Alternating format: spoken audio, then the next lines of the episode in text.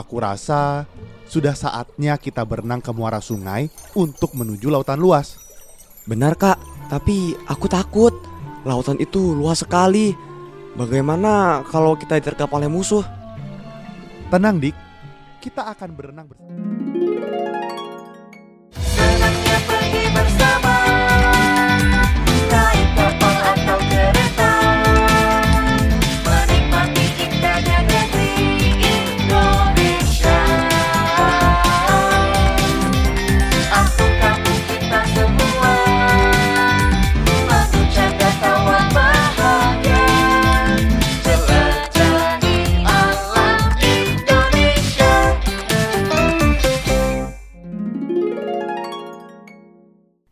Adik-adik, siapa yang di sini suka makan daging ikan salmon? Tahu nggak? Ternyata ikan salmon itu terkenal dengan kegigihannya loh. Perjuangan hidup ikan salmon mengajarkan kita untuk jadi anak yang mandiri dan pantang menyerah untuk mewujudkan mimpi-mimpi kita. Kita dengerin sama-sama yuk kisahnya.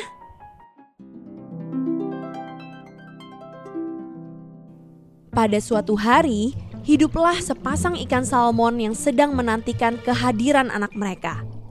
Seperti ikan salmon lainnya, kedua pasangan ini melahirkan anak mereka di sungai.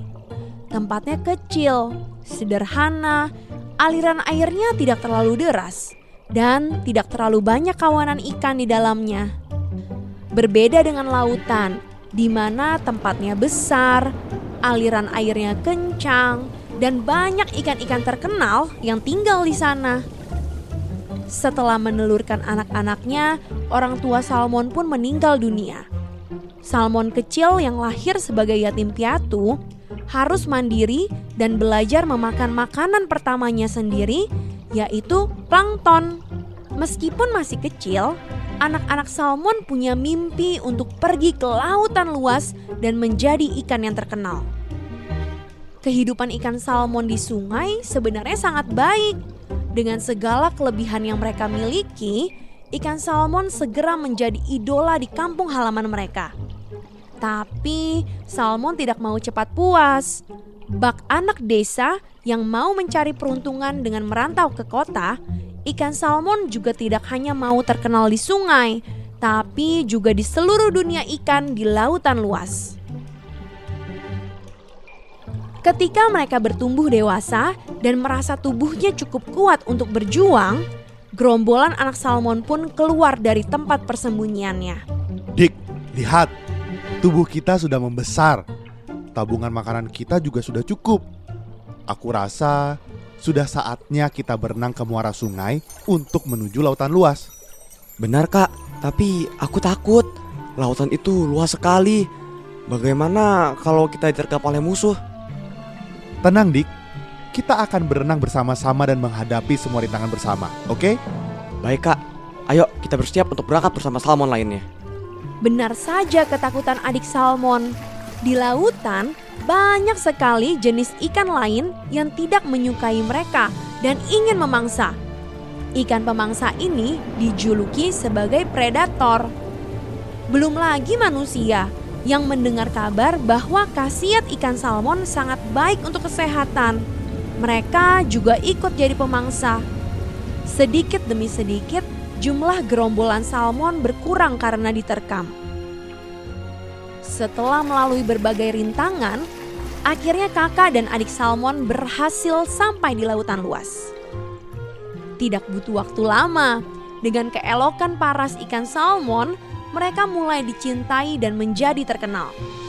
Bertahun-tahun mereka menikmati kehidupan mereka di laut, memiliki tabungan yang banyak, dan bersenang-senang dengan kawanan salmon lainnya yang juga berhasil sampai di laut. Lihat, Dik, dengan kegigihan, kita akhirnya berhasil meraih mimpi kita untuk hidup bahagia di lautan. Ya kak, terima kasih selalu melindungi aku setiap kali ada predator yang berusaha menerkam. Suatu pagi, kakak salmon bertemu dengan seekor salmon betina yang cantik dan tidak sadar mengikutinya dari belakang sambil terus memandangi kecantikannya. Hei kamu, kenapa mengikuti aku terus? Eh, i- i- i- i- i- itu Aku suka sama kamu. Salmon betina pun tersipu malu. Akhirnya, mereka memutuskan untuk menikah. Setelah menikah, kakak Salmon berpisah dengan adiknya yang juga sudah menemukan wanita idamannya. Mereka membangun keluarga barunya masing-masing. Kakak Salmon dan istrinya menikmati hari-hari bahagia bersama. Sampai suatu ketika, Suamiku, sepertinya aku mengandung anak kita. Istriku, terima kasih. Aku senang sekali. Seandainya ayah ibuku masih hidup, mereka pasti sedang menunggu kita di sungai. Bagaimana kalau kita kembali ke sungai dan melahirkan anak kita di sana? Aku mau melahirkan di tempat orang tuaku melahirkan aku dulu. Tapi perjalanan menuju sungai tidak mudah istriku. Kita juga sudah tidak terlalu muda. Belum tentu kita bisa selamat sampai ke sungai. Aku dengar kawanan kita lainnya juga akan kembali ke sungai untuk melahirkan di sana. Aku mau menghabiskan masa tuaku bersama mereka di sungai, tempat asal kita dilahirkan. Baiklah, kalau itu kemauanmu, mari kita bersiap untuk kembali ke sungai. namun perjalanan pulang Salmon malah lebih menegangkan daripada perjalanan pergi. Mereka harus melawan arus air sehingga tenaga yang dikeluarkan juga lebih banyak dan perjalanan ke sungai memakan waktu beberapa bulan. Belum lagi banyak batu karang dan air terjun yang membuat sebagian dari mereka tidak berhasil melaluinya. Ada yang terluka, mati keletihan, dan dimangsa.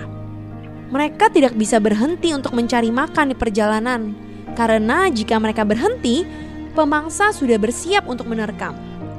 Tapi, Salmon yang bijak sudah memperhitungkan persediaan energi yang mereka butuhkan selama perjalanan, sehingga bisa berenang dalam waktu yang lama. Suamiku, apakah kita akan berhasil sampai ke rumah kita di sungai? Aku takut. Persediaan energi kita masih cukup istriku. Aku yakin kita pasti bisa sampai ke rumah. Kalau Tuhan berkehendak, kita akan melihat anak kita lahir sambil bersantai di sungai. Ayo terus berenang dan jangan lengah. Kedua pasangan ini pun meneruskan perjalanannya dengan penuh kegigihan. Beberapa bulan kemudian, kakak Salmon dan istrinya pun sampai di sungai.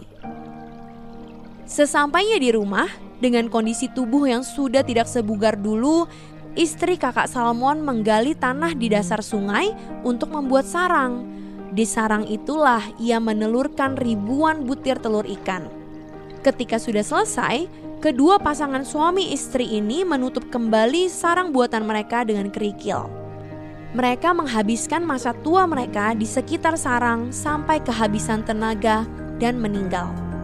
Bangkai mereka dimakan oleh binatang yang hidup di dasar sungai.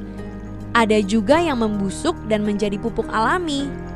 Pupuk alami itu akan dimakan oleh plankton yang nantinya akan menjadi makanan pertama anak-anak mereka setelah menetas.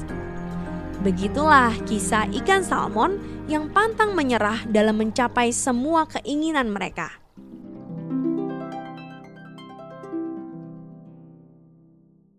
Nah, adik-adik, meskipun masih kecil, kita juga bisa loh mulai menabung seperti ikan salmon. Misalnya, dengan menyisihkan uang jajan kita. Tabung akan berguna untuk mewujudkan setiap mimpi kita. Setuju?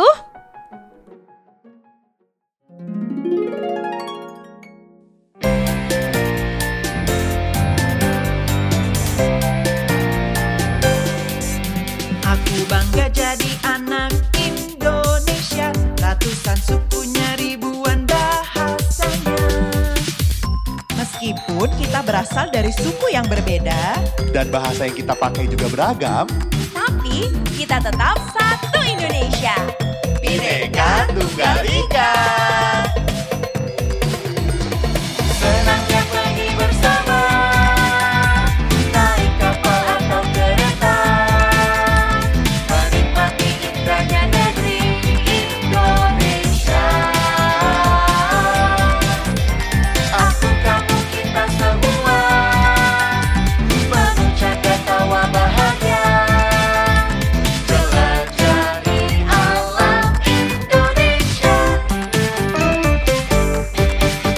bangga jadi anak Indonesia Beragam hutan dan juga binatangnya Kak, tahu nggak sih? Burung beo yang berasal dari Nias adalah salah satu hewan paling pintar di dunia. Dia bisa menirukan suara manusia. Oh ya, coba aku tes ya. Matur nuwun.